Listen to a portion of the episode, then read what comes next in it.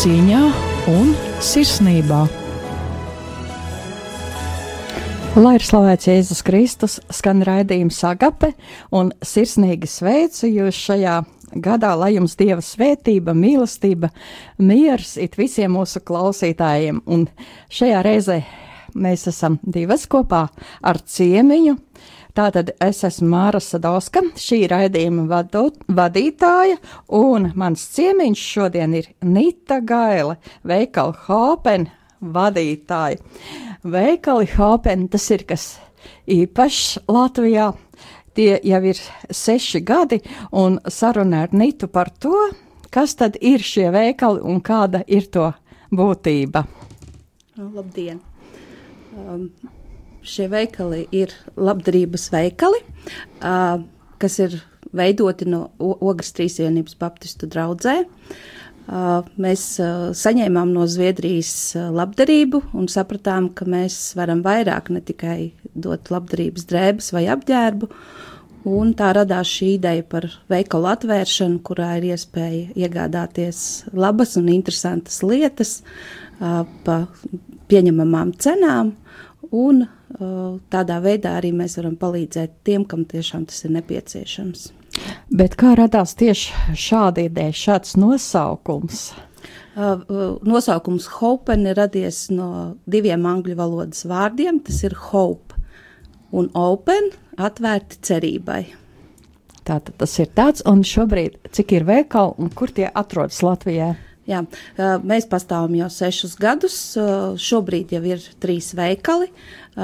Viens no pirmajiem veikaliem ir Ogrē, skolas ielā 18. Tad ir veikals Rīgā Āgenskalnā, mazā nometņa ielā 32 un veikals Imantā, Kurzemes prospektā 132 ir dažādas labdarības formas, ir dažādi labdarības veikali. Ir arī tāds veikals kā Otrā Alpa, kas arī diezgan pazīstams Latvijā, bet ar ko jūs atšķiraties? Kas ir savādākais? Teiksim, tā droši vien ideja ir viena palīdzēt.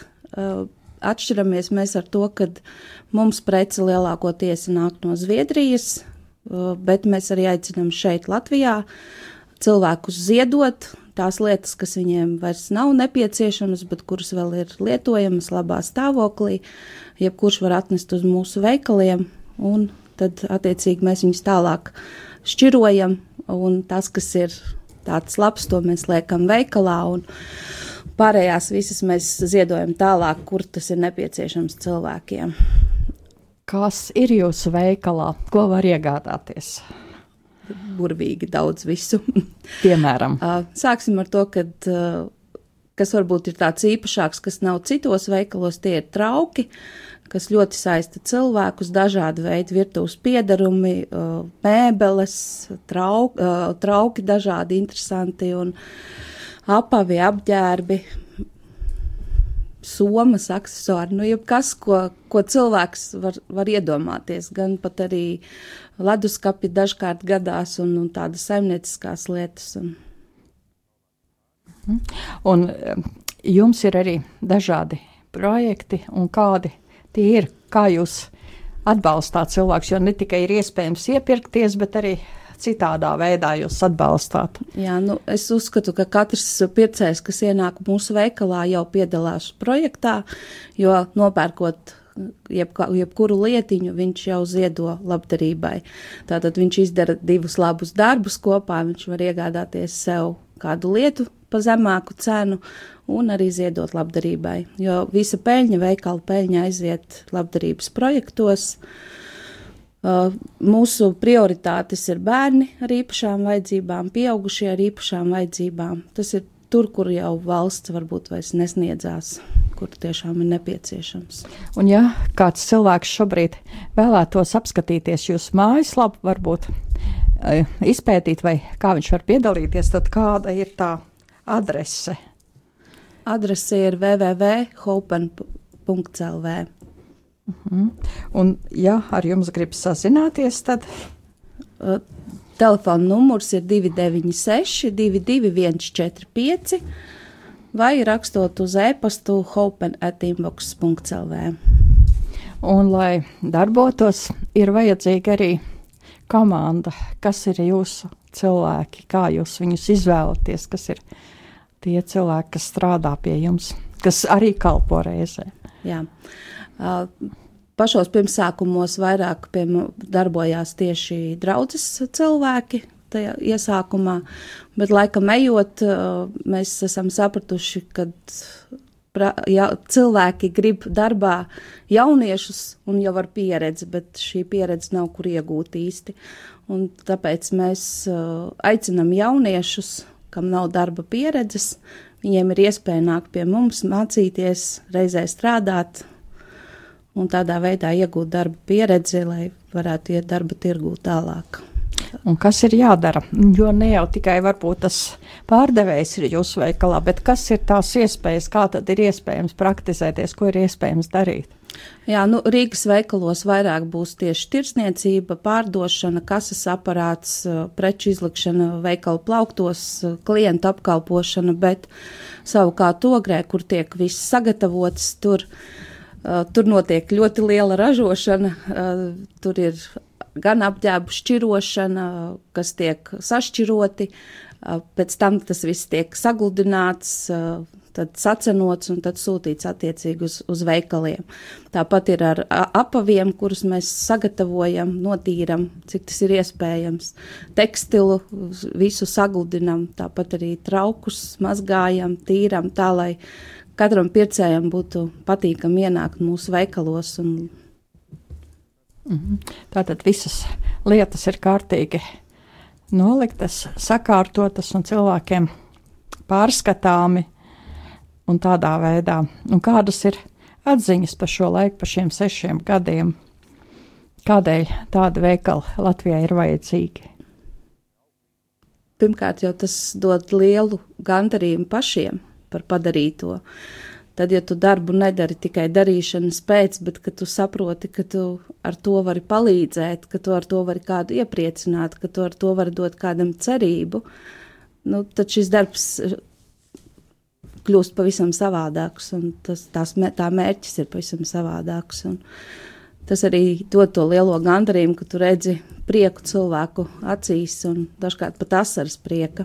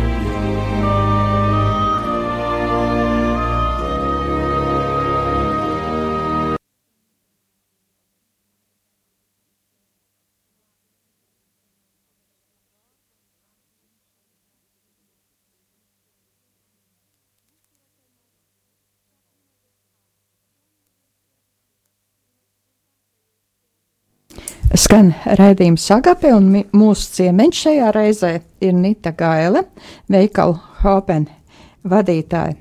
Tātad šie veikali darbojas Latvijā jau sešus gadus, un jūsu mājaslapā, kas ir www.hopen.clv, ir arī rakstīts, ka jūs krist, rūpējaties par kristīgo vērtību nostiprināšanu Latvijā.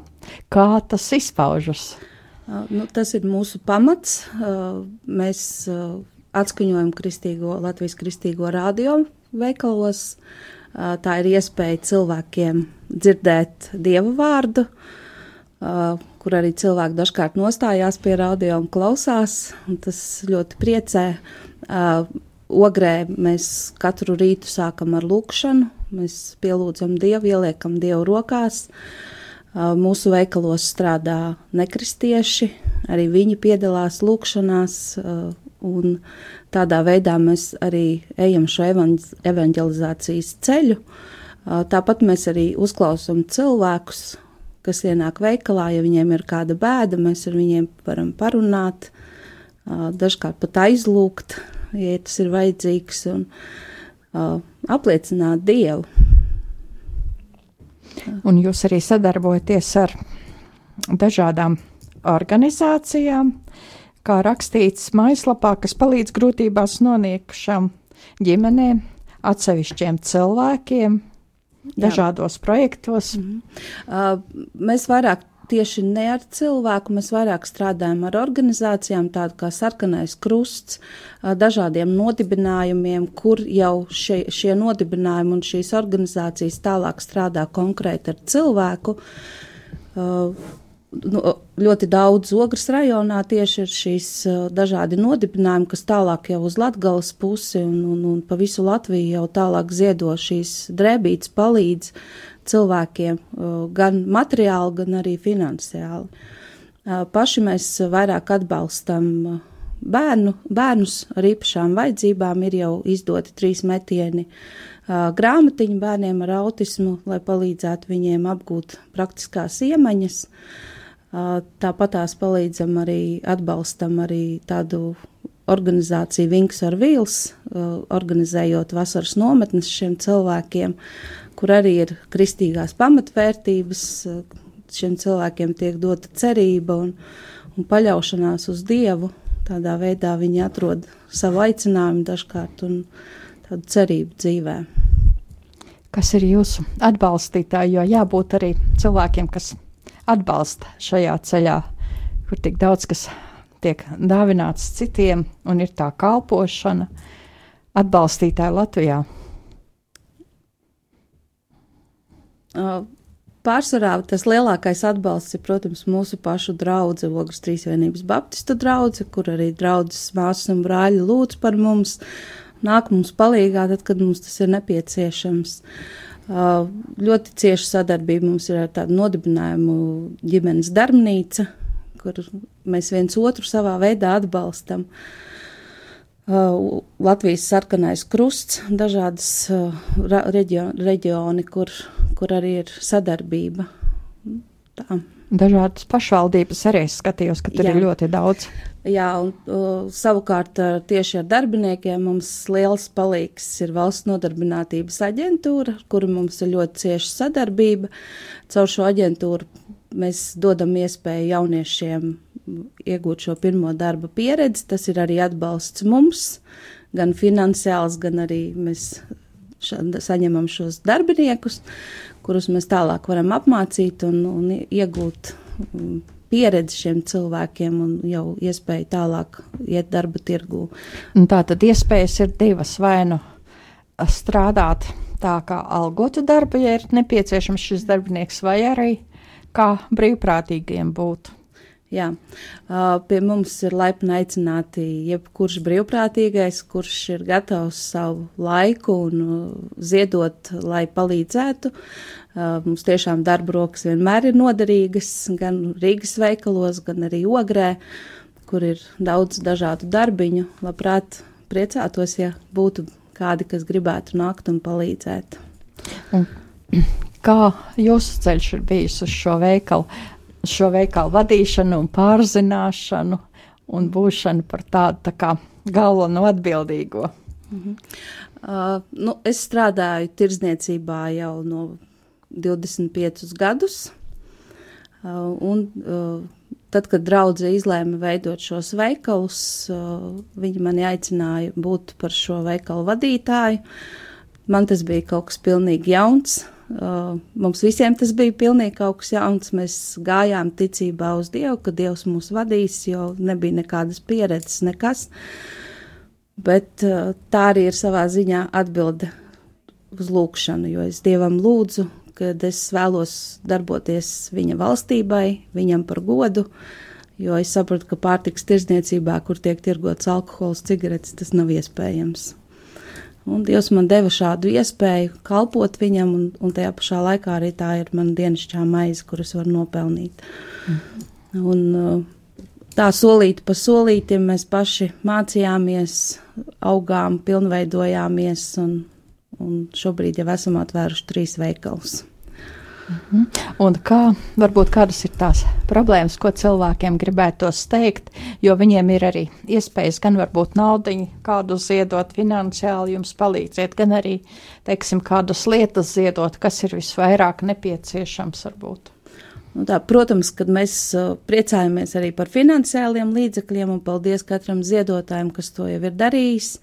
Uh, ir iespēja ziedot, uh, ziedojuma konti ir mūsu mājaslapā atrodami. Uh, un priecājamies tiešām par katru ziedotāju, kas uh, neizmet lietas, kuras viņiem vairs nav vajadzīgas, bet atnes uh, pie mums uz veikalu. Tās var nodot jebkurā laikā, darba laikā, kad mēs strādājam, atnest. Un, tās var būt gan drēbes, gan apavi, gan apģērbi, gan trauki, gan nu, jebkas, kas, kas jums mājās ir un kas vairs jums ir. Tādas labas lietas, kuras. Jā, ir tikai aicinājums tiešām nest tādas lietiņas, kuras, kuras vēl ir labas, kuras ir lietojamas, kuras ir tīras un, un sakoptas tā.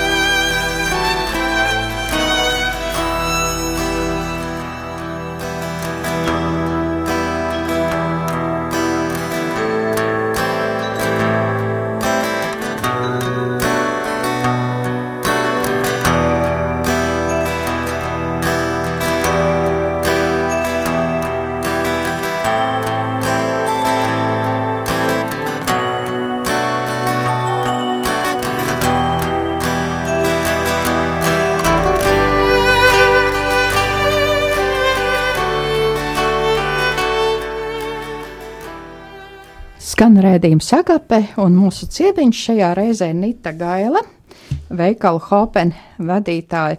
Un tā tad veikali ir trīs, un vēlreiz lūdzu adreses. Jā, veikali atrodas viens ogrē skolas ielā 18, tad ir veikals Āgenskalnā Rīgā, mazā nometņu ielā 32 un Rīgā Imantā, Kurzemes prospektā 132 un veikala darba laiki? Uh, veikali strādā no pulkstens desmitiem līdz septiņiem darba dienās, un no pulkstens desmitiem līdz pieciem sestdienās. Svētdienās mēs atpūšamies. Un arī tāds būtisks faktors, kas jūsu mājaslapā bija par to, ka šī ir arī vides saudzēšana mainīt attieksmi pret vidi, pārdomājot par to, ko mēs izmetam un kā mēs saudzējam un kā mēs izlietojam lietas. Jā. Šajā laikā, kad ir tik daudz dažādu preču un tik daudz veikalu un tik daudz lietu, mēs esam par to, ka lietas neizmet, bet dot viņām otru iespēju, lai vairāk saudzētu dabu. Tādā veidā mēs arī aicinam cilvēkus ziedot uh, lai šīs lietas varētu izmantot un lietot tie, kam tas tiešām ir ļoti vajadzīgi, kuri var, nevar atļauties nopirkt vai nevar atļauties tik dārgi nopirkt, kā ir veikalos. Un, un tādā veidā mēs katrs viens varam palīdzēt ne tikai cilvēkam, bet arī dabai, saudzējot viņu. Un kas ir jūsu svētki veikalos kopā visiem?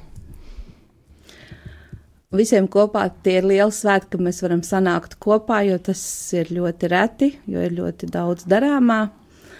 Un arī rīt mums būs svētki, jo mums rīt ir kopējas sadraudzība. Uh, bet lielākie svētki ir tad, kad mēs redzam iepriecinātu klientu, kad mēs redzam prieku viņu acīs, nopērkot vai atrodot kādas lietiņas, kuras viņš var nopirkt. Gan arī tad, kad uh, ir paveikts kāds projekts, un kāda organizācija ir atkal tālāk var iet un darboties tālāk caur šo projektu. Un tātad arī kādas labdarības organizācijas var ar jums sazināties, un ja ir kādas lietas, ko gribas stāstīt citiem, un kur ir vajadzīga palīdzība, var arī uh, jūs meklēt un Jā. kontaktēties. Jā, māj, mājaslapā ir pieejama anketa, kuru var aizpildīt un tādā veidā pieteikt arī projektu, bet var arī zvanīt pa telefonu un caur, caur sarunu arī pieteikt projektu, ja ir kaut kas, kas, kas tiešām ir vajadzīgs un ko mēs varam atbalstīt. Jā, un tātad mājaslapa ir www.hopen.lv vai arī var rakstīt uz e-pastu, un tas ir hopen.inbox.lv. Vai arī var zvanīt pa telefonu 29, 622, 145. Tātad telefons ir 296, 22, 145. Un, ja ir kādas labas idejas, kā var palīdzēt, vai ir vēlme iesaistīties, var droši pieteikties. Un paldies jums! Un šajā reizē saku arī tā, ka arī es tā diezgan regulāri aizēju uz šo veikalu un iepērkos, un man patiešām prieks par tām labajām lietām, par to labo sirsnīgo attieksmi, kas ir jūsu pārdevēju acīs, jūsu darbinieku acīs. Un tā ir īpaši tāda atmosfēra, un es vēlu arī klausītājiem iegriezties šajos veikalos Rīgā, Imantā vai Āgenskalnā vai arī Ogrē un būt uh, atvērtiem šai cerībai un ar savu pirkumu arī palīdzēt citiem cilvēkiem.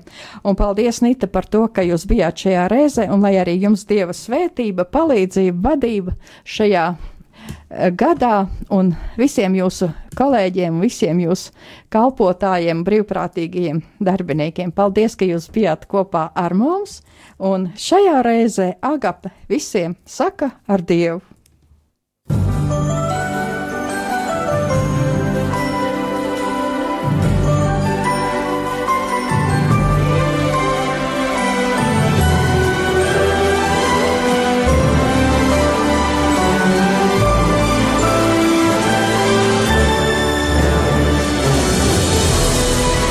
Agape cieņā un sirsnībā.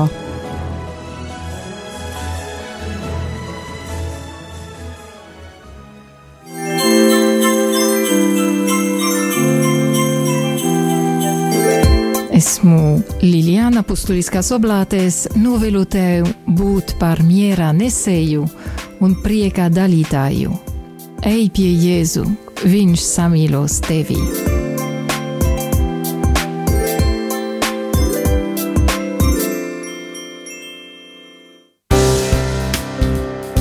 Radio Marija var dzirdēt arī tavā vietā, runī. Lejupielādē aplikāciju Radio Marija World Family, un tajā atrodi Radio Marija Latvija. Patīkamu klausīšanos!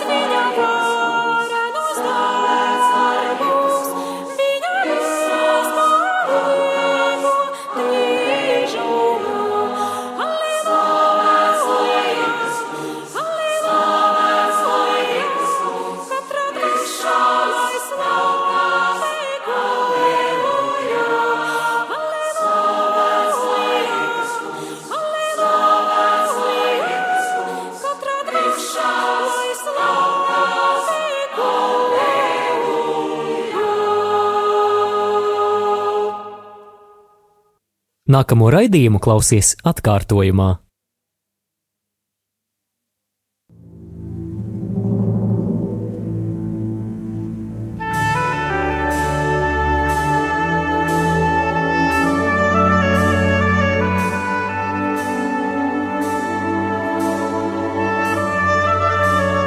Jēzus teica: Es esmu ceļš, patiesība un dzīvība. Kas ir šis ceļš? Kā to atrast? Par to raidījumā Ceļš pie viņa. Raidījumu vada Normons Grasmanis.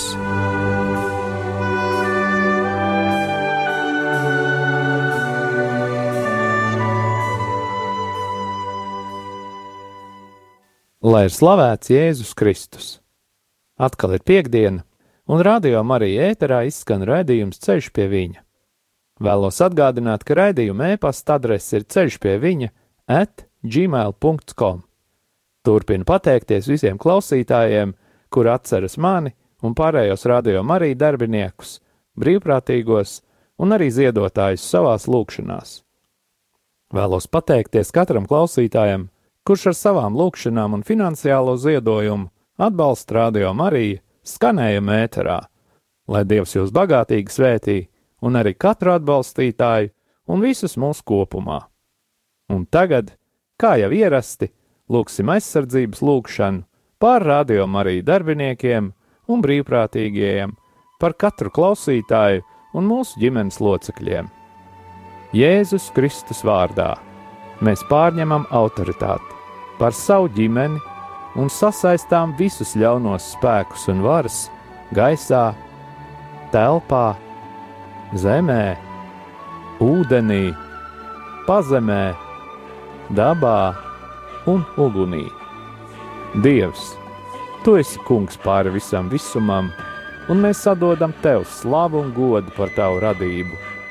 Tavā vārdā, Kungs, Jēzu Kristu, mēs sasaistām visus demoniskos spēkus, kas ir nākuši pār mums un mūsu ģimenēm, un ieslēdzam mūs visus tavu dārgo asiņu aizsardzībā, kas mūsu dēļ tika izlietas pie krusta. Marija, mūsu māte, mēs lūdzam tavu aizsardzību un aizbildniecību pār mums un mūsu ģimenēm ar svēto Jēzus sirdi. Ietin mūsu savas mīlestības apmetnī un sakauj mūsu ienaidnieku. Svētais arcēnģeli Mihēlu un visi mūsu sargaņģeļi. Nāciet aizsargāt mūsu un mūsu ģimenes šajā cīņā pret visu ļauno, kas ir šajā pasaulē. Jēzus Kristus vārdā un caur viņa dārgajām asinīm mēs sasaistām visas ļaunuma varas un pavēlam tām atkāpties šajā brīdī no mums, mūsu mājām un mūsu zemes. Mēs pateicamies Tev, Kungs, Jēzu, jo Tu esi taisnīgs un līdzjūtīgs Dievs. Āmen! Jēzus Kristus vārdā un viņa krusta un viņa izlieto asiņu spēkā mēs sasaistām jebkura ļaunuma varas spēku garus un pavēlam tiem, lai tie nebloķē mūsu lūgšanas.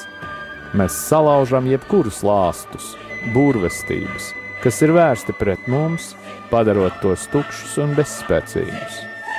Mēs salaužam jebkuru uzdevumu, kas ir dots jebkādiem gariem, kas vērsti pret mums, un sūtām viņus pie Jēzus, lai viņš dara ar tiem, ko vien vēlas.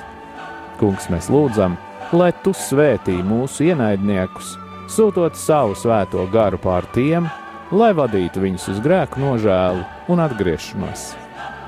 Mēs pārcērtam jebkādas saites un saziņu ļauno garu pasaulē, kas ietekmē mūsu un mūsu lūgšanu. Mēs lūdzam Jēzus izlieto asiņu aizsardzību pār mums un mūsu ģimenēm. Paldies, Tev, Kungs, par Tavu aizsardzību un sūti pār mums savus eņģeļus, jo īpaši svēto erceņģeli Mihēlu, lai viņš mums palīdz šajā cīņā. Mēs lūdzam Tevi, vadi mūsu, mūsu lūgšanās un izlaies pār mums ar savu svēto garu, tā spēku un žēlsirdību. Āmen! Šī vakara tēma - šāmanisms. Tas ir viens no etnomedicīnas paveidiem. 2005. gada oktobrī Minhenē notika kāda starptautiska etnoterapijas konference.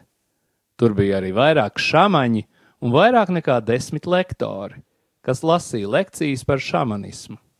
Vadītajos semināros un darba grupās tika apskatītas visdažādākās terapijas, sākot ar ekstāzes dejām un beidzot ar dažādām dziedināšanas un profilakses metodēm.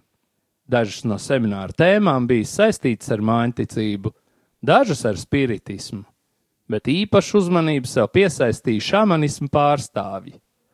Lai gan pirms vairākiem gadiem šāmanisms tika pilnībā noraidīts, šodien atsevišķi psihoterapeiti to cenšas praktizēt un pat ieteikt. Šāmaņi ir bijuši un darbojušies daudzās tautās, un jau no senseniem laikiem galvenais šāmaņu uzdevums vienmēr ir bijis būt vidutājiem starp redzamo, taustāmo pasauli un garu pasauli. Viņi izmantoja dažādas metodes, lai ievestu sevi transā, kā viena no ir bungu vai džambas ritmi, ar kuru palīdzību šāmanis atstādams savu ķermeni, iesāktu ceļojumu pa viņu pasauli. Dažās šamanismu tradīcijās bija pieņemts, ka šamanis savā ķermenī atstāja sev piederošu dzīvnieku, par ko simbolizēja ieģērbšanās ādās un dažādas maskas. Tā tika mēģināts iegūt aizsardzību pret to, ka viņa pasaulē ar šāmaņu garu varētu kaut kas notikt neparedzams. Ekstāzes tehnikas ir tik ļoti cieši saistītas ar šamanismu, ka tās tiek uzskatītas par šamanisma neatņemamām sastāvdaļām. Vārds šamane radies no evenku vārda. Evenkieši, vai savādāk saukti tungusi, ir briežu mednieku tauta, kas pieder tungusu manģūru valodu grupai.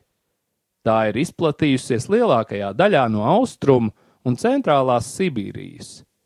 Šīs tautas reliģiskajā dzīvē šamanismam bija iedalīta liela loma. Citas tautu grupas, kā piemēram eskimosi, dažādas indiāņu ciltis un turku valodā runājošās etnogrupas, šamanismam ir devušas citu nosaukumu. Šāmaņu galvenais uzdevums bija vienmēr iejaukties savas cilts lietās, tajos gadījumos, kad viņiem šķita, ka transcendentālo spēku darbības rezultātā tika traucēts visas cilts, vai viena tās pārstāvja ritmiskais dzīves ritvējums, vai arī lai novērstu draudošas briesmas. Visas ar dvēseli vai cilvēku likteni saistītās šajā pasaulē vai viņa pasaulē lietas bija šāmaņu darbības sfēra. Tika uzskatīts, ka tikai šāmaņi ir tie, kas spēj doties uz viņu pasauli un atkal atgriezties atpakaļ. Tāpēc viņu uzdevums bija arī pienest upurdāvanas virs zemes un pazemes dieviem. Šāmanis bija tas, kurš pavadīja mirušos uz viņu pasauli, vai arī slimības gadījumos atgriezt dvēseli atpakaļ ķermenī. Senie šāmaņi zināja par augšzemes, pazemes un virszemes pasaules esamību, un šo pasauļu skaidrojums bija apmēram šāds. Virszemes pasaule ir vieta, kur dzīvo cilvēki. Tā kā šāmanisms attīstījās briežu mednieku kultūrās, tad nav brīnums, ka šāmaņi tika uzskatīti ne tikai par cilvēku dvēseļu sargiem, bet arī par dzīvnieku dvēseļu sargiem. Tas bija iemesls tam, ka liela loma šāmaņu dzīvē bija arī dzīvniekiem. Tā kā pastāvēja dzīvnieku upurēšana, kurā upuru gaļa tika pienesta viņa pasaules dieviem, tad ziemeļbrieža asinis, piemēram, daudzos gadījumos tika izmantotas, lai pievilinātu dēmonus un tad tos izdzītu no cilvēka ķermeņa daļas, kurā bija slimība. Pēc tam šāmanis laizīja šīs asinis, pēc kā izspļāva izdobtā elku dieva traukā, kur tas tika ieslēgts, lai vairs nekad neatgrieztos konkrētā cilvēka ķermenī. Dažās tautās šim nolūkam tika izmantotas zosis, lai no slimā cilvēka iekšām izdzītu slimības cēloni.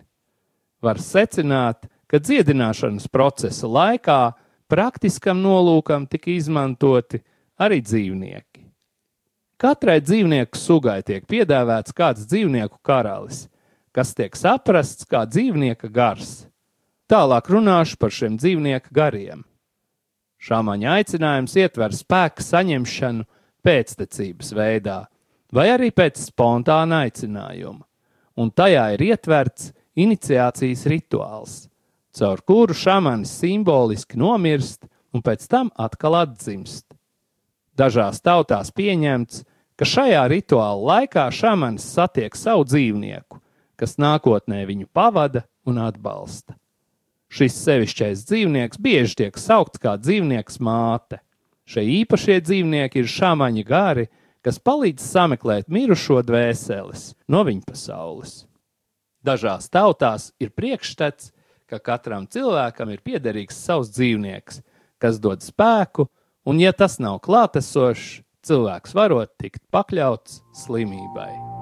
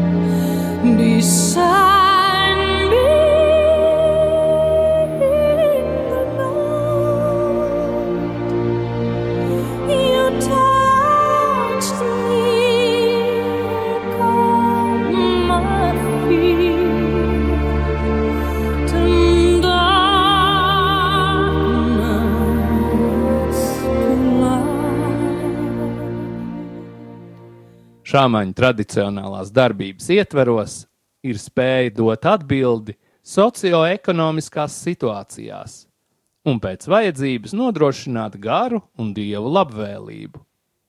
Ekstāzes laikā šāmanis šķērso laicīgās pasaules robežas, lai nodibinātu kontaktu ar transcendentālajiem spēkiem. Viņš tos meklē tajās vietās, kur tie varētu būt atrodami - augšzemē, pazemē vai mirušo valstībā, vai arī tos izsauc, lai ielaistu savā ķermenī. Šāmanis vienmēr apzināti darbojas kādas noteiktas sociālas grupas interesēs. Par saviem pārdzīvojumiem, kontaktējoties ar gariem, šāmanis izstāsta apkārt esošajiem cilvēkiem. Šos vēstījumus viņš nodod tālāk, ņemot vērā noteiktās sabiedrības reliģiskos priekšstatus un vajadzības. Šāmaņu galvenais darbības uzdevums ir dziedināšana ar maģijas palīdzību. Ja vietējās cilts cilvēks saslima, tas norādīja uz to, ka ir zaudēta daļa no dvēseles vai viena no dvēselēm. Jo bieži vien šie cilvēki ticēja, ka cilvēkam ir septiņas dvēseles. Savos viņpasaules ceļojumos šamanis iztaujāja garus, lai uzzinātu slimības iemeslus un iespējamos veiksmīgas izārstēšanas veidus.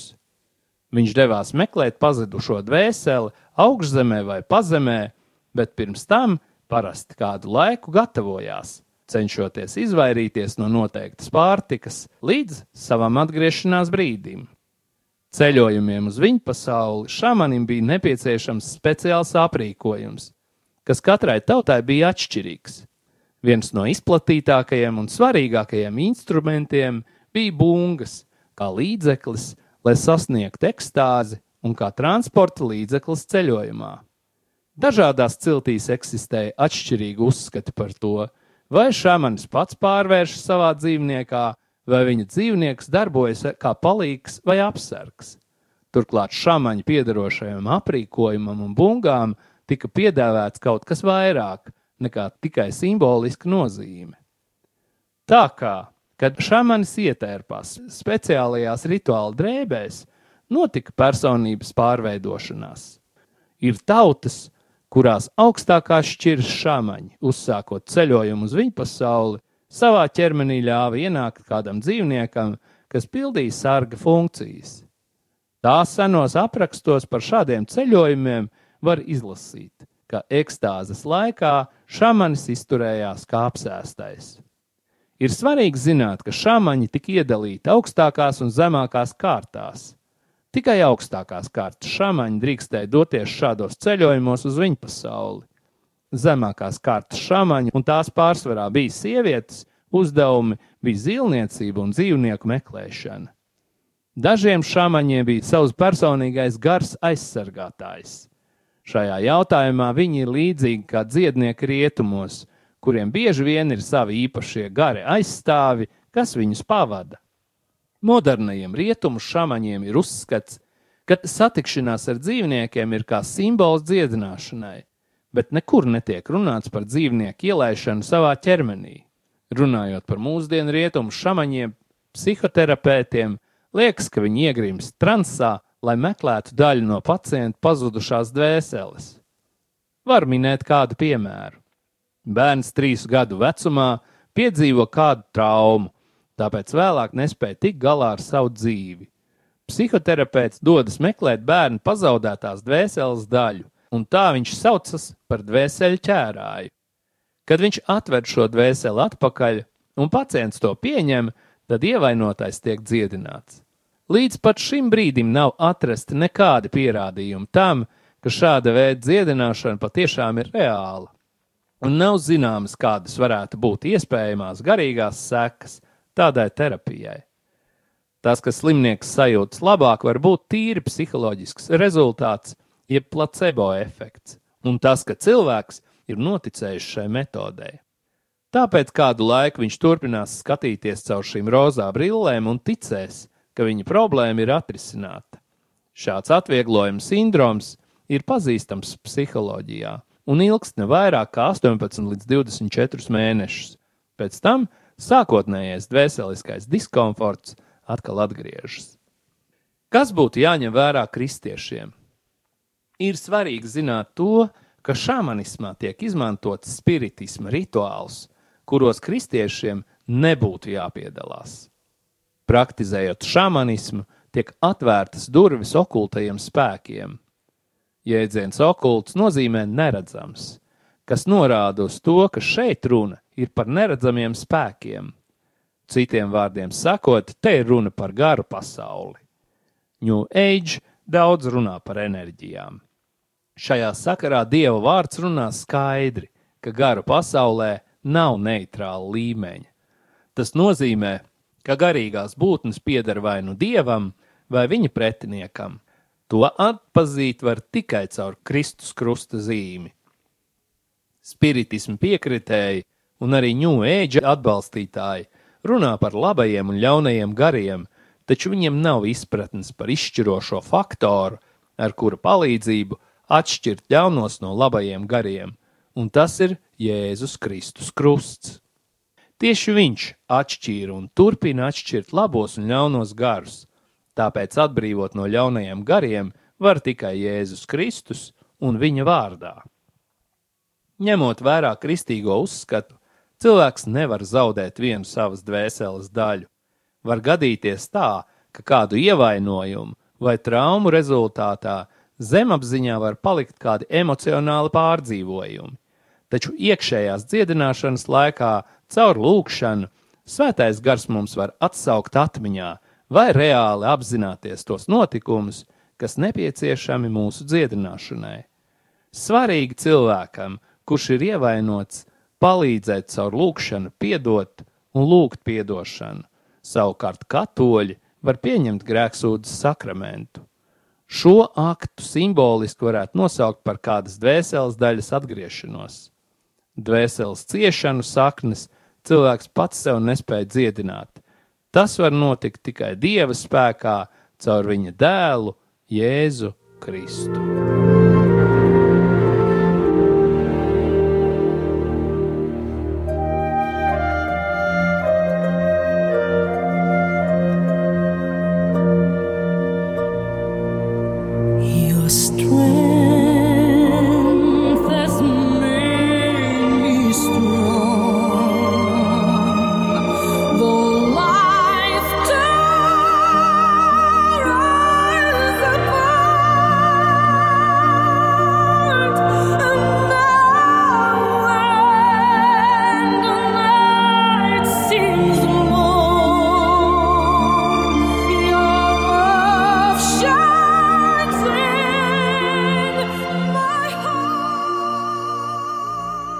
Tagad, kā jau pierasts prom no maldiem, visu maldu pamatā ir slēpts vai atklāts grēks.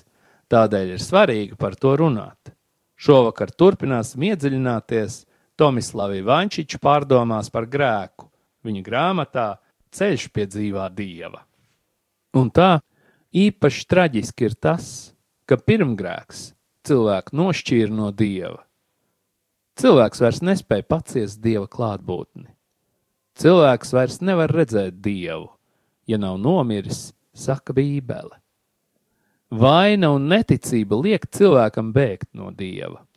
Un kungs dievs sauca cilvēkam un teica: Kur tu esi? Un tas teica: Es dzirdēju dārzā tavu balsi un nobijos, jo esmu kails un es paslēpos. Tā tad nevis dievs ir paslēpies, bet gan cilvēks slapstās no dieva. Tāpēc nevis dievam vajag sevi parādīt, lai mēs viņu varētu iepazīt, bet mums pašiem jānāk ārā no saviem slēpņiem un jānostājas Dieva priekšā. Taču to mēs paši nespējam.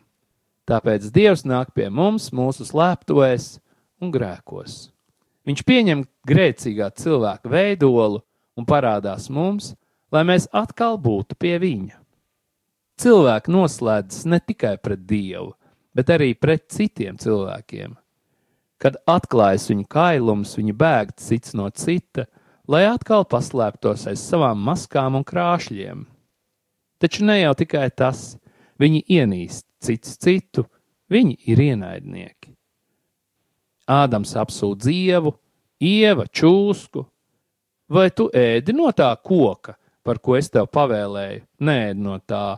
Un cilvēks teica: Tā sieva, ko tu man devi, viņa man deva no tā koka, un es ēdu. Ādams ir pilns pārmetumu pret Dievu, tāpēc, ka Dievs viņam devis tādu sievu, un pret sievu, tāpēc, ka viņa tam sniegus augli no aizliegtā koka. Viņš dzīvo naidā pret Dievu un pret sievu. Cilvēks mēģina taisnoties, apsūdzot citus, vēl aizvien arī tagad. Viņam būtu vajadzējis tikai atzīties paša pārkāpumos, un viss būtu kārtībā. Vajadzētu tikai apsūdzēt sevi pašu un citu attaisnot, tad grēks sirdī būtu pārvarēts. Čūska ievu piemānīja. Kopš tā brīža cilvēki nemitīgi ļaujas, ka viņus piemāna un pavedina. Turēties pretī pavedinātājam mēs varam vienīgi tā, kas sākam cit, citiem piedot un ieklausīties Dieva vārdā. Ja gribam atrisināt cilvēku savstarpējās problēmas ar meliem, naidu un ieročiem, tas ir naivums un maldu ceļš. Taču cilvēki citādi nespēja. Grēks ir ieņēmis cilvēka centru un sašķeļ viņu. Ziņas cīnās pret sirdsapziņas balsi, ķermenis pret garu, vēlmes pret saprātu, ierobežotība pret robežu trūkumu, grēks pret nevainību, elle pret debesīm, vēlns pret dievu. Visas ciešanas pasaulē un cilvēkos ir pirmgrēka sekas. Sieviete dzemdē bērnus sāpēs, vaigas viedros cilvēks pelna savu maizi, un viņam būs jāmirst. Visa daba cilvēka grēka dēļ ir nolādēta.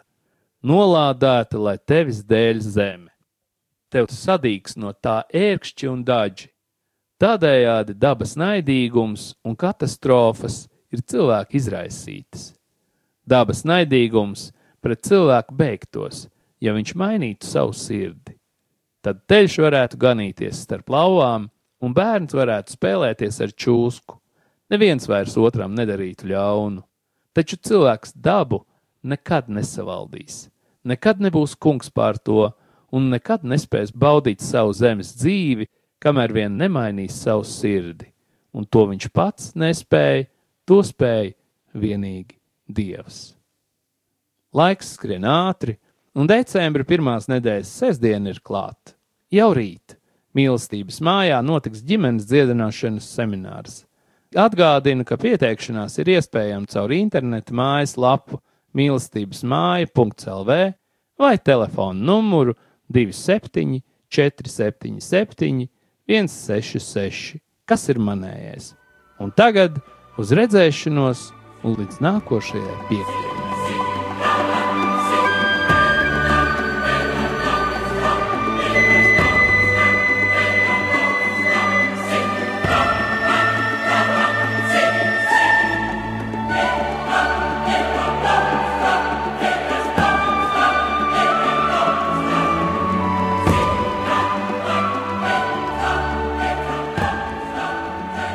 Un tagad mēs iestājamies lūgšanā pret sātanu sistēmu un tās darbībām mūsu ģimenēs. Jo mums katram ir dota autoritāte lūgt šīs lūgšanas mūsu ģimenes sistēmas vārdā.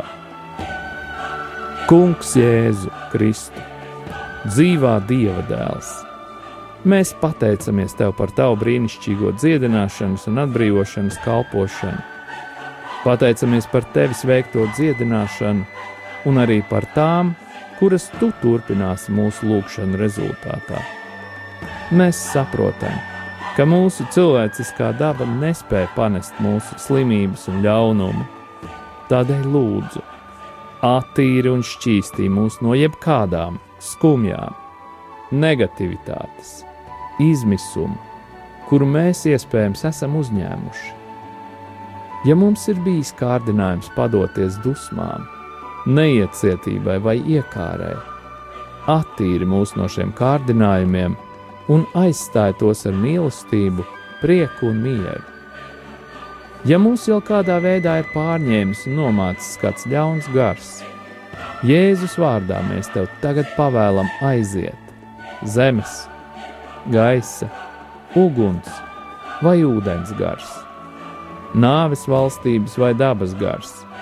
tieši pie Jēzus, un lai tiem notiek pēc viņa gribas. Nāc, svētais gars, atjauno mūs, piepildi mūs atkal ar savu spēku, savu dzīvību un savu prieku. Stiprini mūs tur, kur jūtamies vāji, un apklāj mūs ar savu gaismu, piepildi mūs ar dzīvību. Marija, visu svētā Jēzus māte, mūsu māte. Svētais arcāņģēl Mihēl, mēs tev pateicamies par jūsu aizbildniecību. Kungs Jēzu lūdzu sūti savus svētos eņģeļus kalpot mums un mūsu ģimenēm, apsargāt un aizstāvēt mūs no visām slimībām, ievainojumiem un nelaimes gadījumiem. Lai mūsu ceļojumi ir droši, mēs tevi slavējam, tagad un vienmēr, Tēvs, Dēls un Svētais Gars. To visu mēs lūdzam Jēzus svētajā vārdā, lai tas tiek godināts Āmen. Un tagad saņemiet pāvesta Franciska svētību. Kungs Jēzus Kristus, lai ir pār mums, lai mūs svētītu, lai ir pie mums, lai mūs pavadītu, un lai ir ar jums un mums, lai mūs aizsargātu, lai mūs svētītu Dievs Tēvs un Dēls un Svētais Gars, lai asinis un ūdens, kas izplūda no Jēzus Kristus sirds, izplūst pār mums, un lai šķīstī, atbrīvo un dziedina. Saņemiet svēto garu, Dieva tēva un dēla un svētā gara vārdā Āmen!